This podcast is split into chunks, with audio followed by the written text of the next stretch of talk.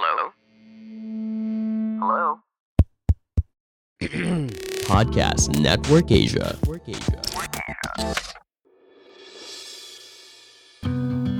Sekarang Stoikas ID telah didukung oleh Podcast Network Asia.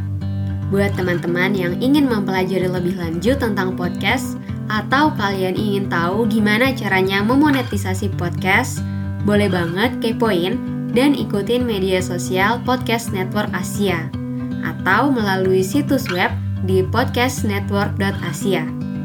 Dan untuk mempermudah proses monetisasi, daftarkan podcast kalian di podmetrics.co secara gratis.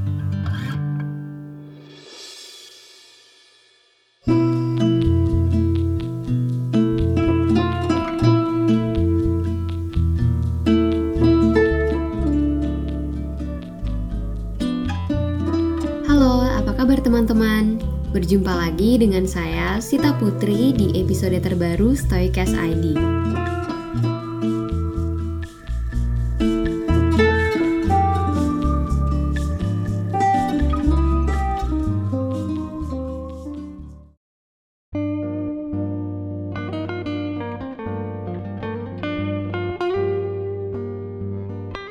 Di episode kali ini, aku akan membahas tentang empat emosi yang bisa merusak pikiran menurut pendiri dari aliran Stoikisme yaitu Zeno.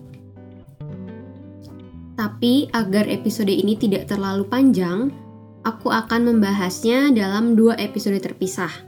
Bisa dibilang episode ini adalah bagian pertamanya. Sebelum kita mulai bahas, kalau teman-teman merasa podcast ini bermanfaat, jangan lupa di-share podcast ini ya ke teman-teman yang lainnya agar semakin banyak yang tahu dan belajar tentang filsafat stoikisme. Tanpa berlama-lama lagi, kita langsung aja yuk masuk ke pembahasan utama di episode kali ini.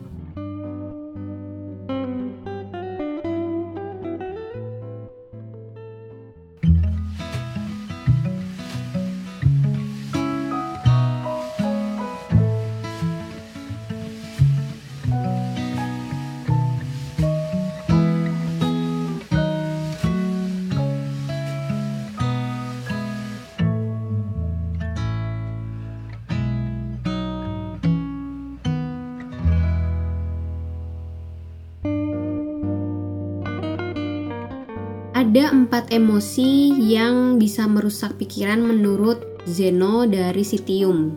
Jadi kita sebutnya Zeno dari Citium ya untuk pendiri dari aliran Stoikisme ini. Nah, menurut Zeno ini itu ada apa aja sih emosinya?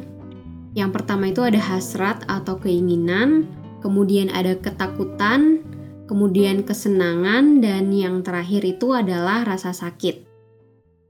Nah, di episode kali ini kita akan membahas dua emosi yang terlebih dahulu, yakni hasrat atau keinginan dan juga ketakutan.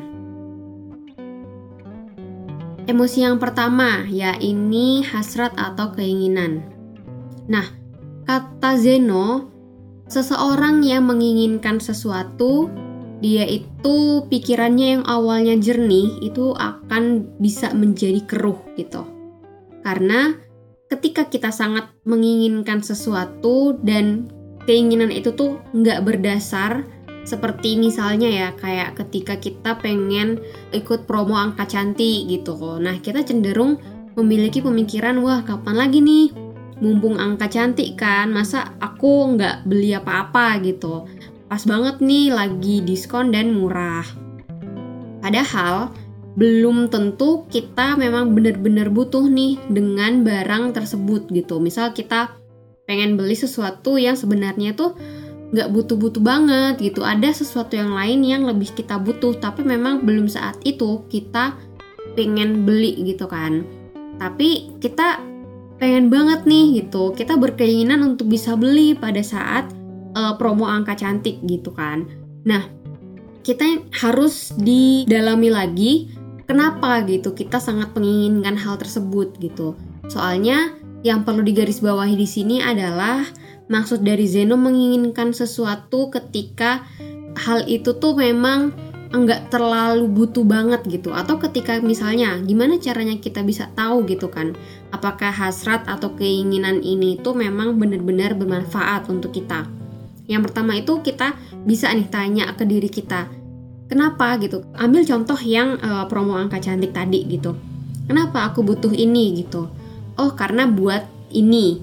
Terus kalau misalnya aku nggak beli ini emang nggak apa-apa. Kalau misalnya jawaban kalian tergantung ya uh, ya nggak apa-apa sih sebenarnya. Terus kenapa kalian pengen beli di angka cantik gitu? Ya pengen ikut-ikutan aja. Nah kadang alasannya ini yang nggak berdasar gitu kan. Jadi ini yang dimaksudkan oleh Zeno bahwa ketika kita menginginkan sesuatu itu harus ada dasarnya gitu harus alasannya tuh harus jelas gitu jadi bukan berarti kita nggak boleh ada hasrat atau keinginan dalam hidup kita nggak juga tetapi harus ditakar gitu. Balik lagi, yang sering aku tekankan adalah jangan terlalu berlebihan dan juga jangan terlalu kekurangan gitu. Hasrat dan keinginan itu penting dalam hidup kita. Ketika kita tahu dan ketika kita bisa mengontrol gitu hasrat dan keinginan tersebut. Karena kalau misalnya kita punya hasrat dalam hidup, kita nggak akan gampang uh, istilahnya apa ya demotivasi gitu. Kita nggak akan gampang ketika misalnya kita gagal mendapatkan sesuatu, nah kita tuh akan merasa kayak oh ya nggak apa-apa, aku masih ada keinginan-keinginan yang lain gitu. Memiliki keinginan itu sangat penting menurutku, tapi harus ditakar lagi seperti yang aku bilang tadi. Harus kita harus bisa mengontrolnya juga. Di sini ada salah satu kutipan dari Marcus Aurelius dalam bukunya Meditations. Marcus bilang kalau menjadi seseorang yang cukup kuat untuk menahan diri dari satu hal sekaligus, tetap tenang dalam menghadapi hal lain. Nah, semua itu adalah tanda-tanda manusia yang memiliki jiwa yang sempurna dan tidak tergoyahkan.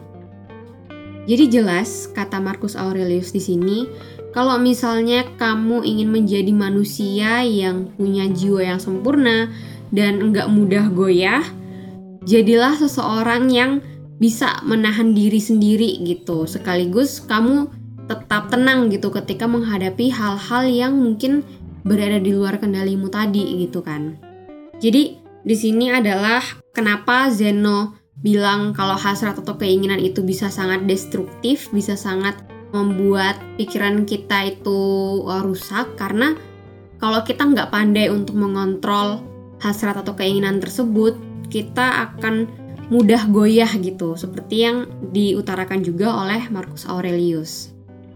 Berikutnya, emosi yang kedua ya ini adalah ketakutan. Kata Zeno, kalau masih ada yang kita takuti di dunia ini, pikiran kita itu cenderung akan susah untuk berpikir jernih dan hanya berfokus untuk menyelamatkan diri dan juga akhirnya kita jadi mengorbankan banyak hal gitu dalam hidup.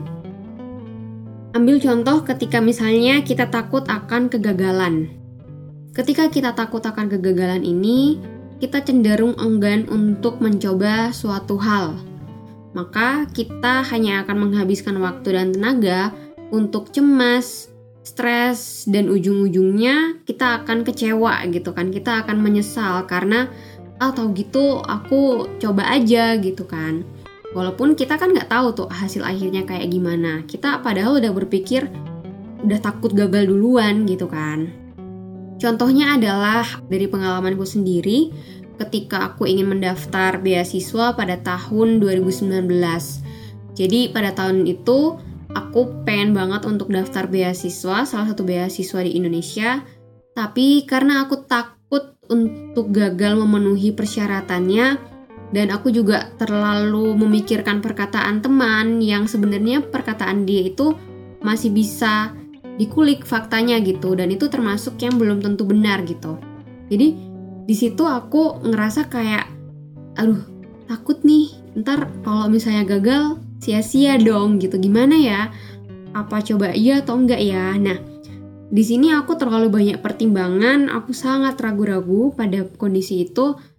Dan akhirnya setelah beberapa bulan kemudian aku akhirnya menyesal. Karena oh tahu gitu aku kemarin daftar ya walaupun aku nggak tahu uh, hasil akhirnya seperti apa. Tapi harusnya aku tetap berusaha.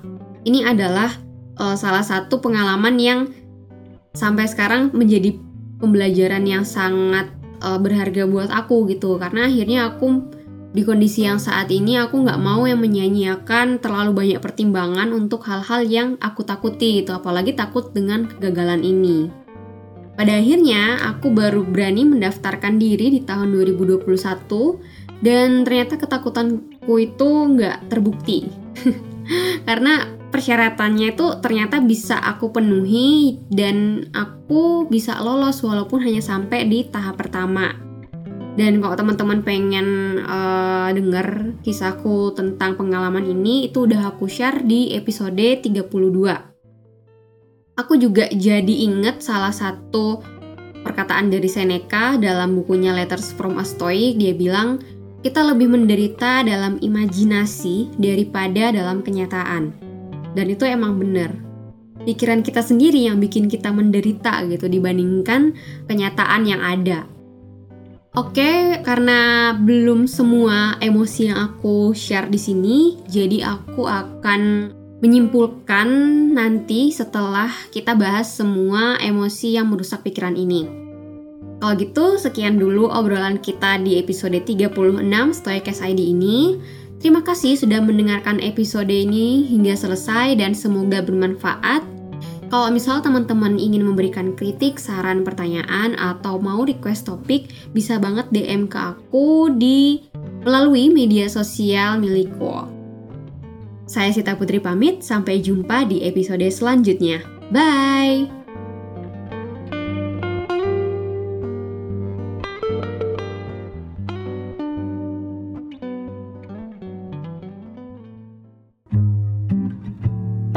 Dan opini yang disampaikan oleh kreator podcast, host, dan tamu tidak mencerminkan kebijakan resmi dan bagian dari podcast Network Asia. Setiap konten yang disampaikan mereka di dalam podcast adalah opini mereka sendiri dan tidak bermaksud untuk merugikan agama, grup etnik, perkumpulan, organisasi, perusahaan, perorangan, atau siapa pun dan apa pun.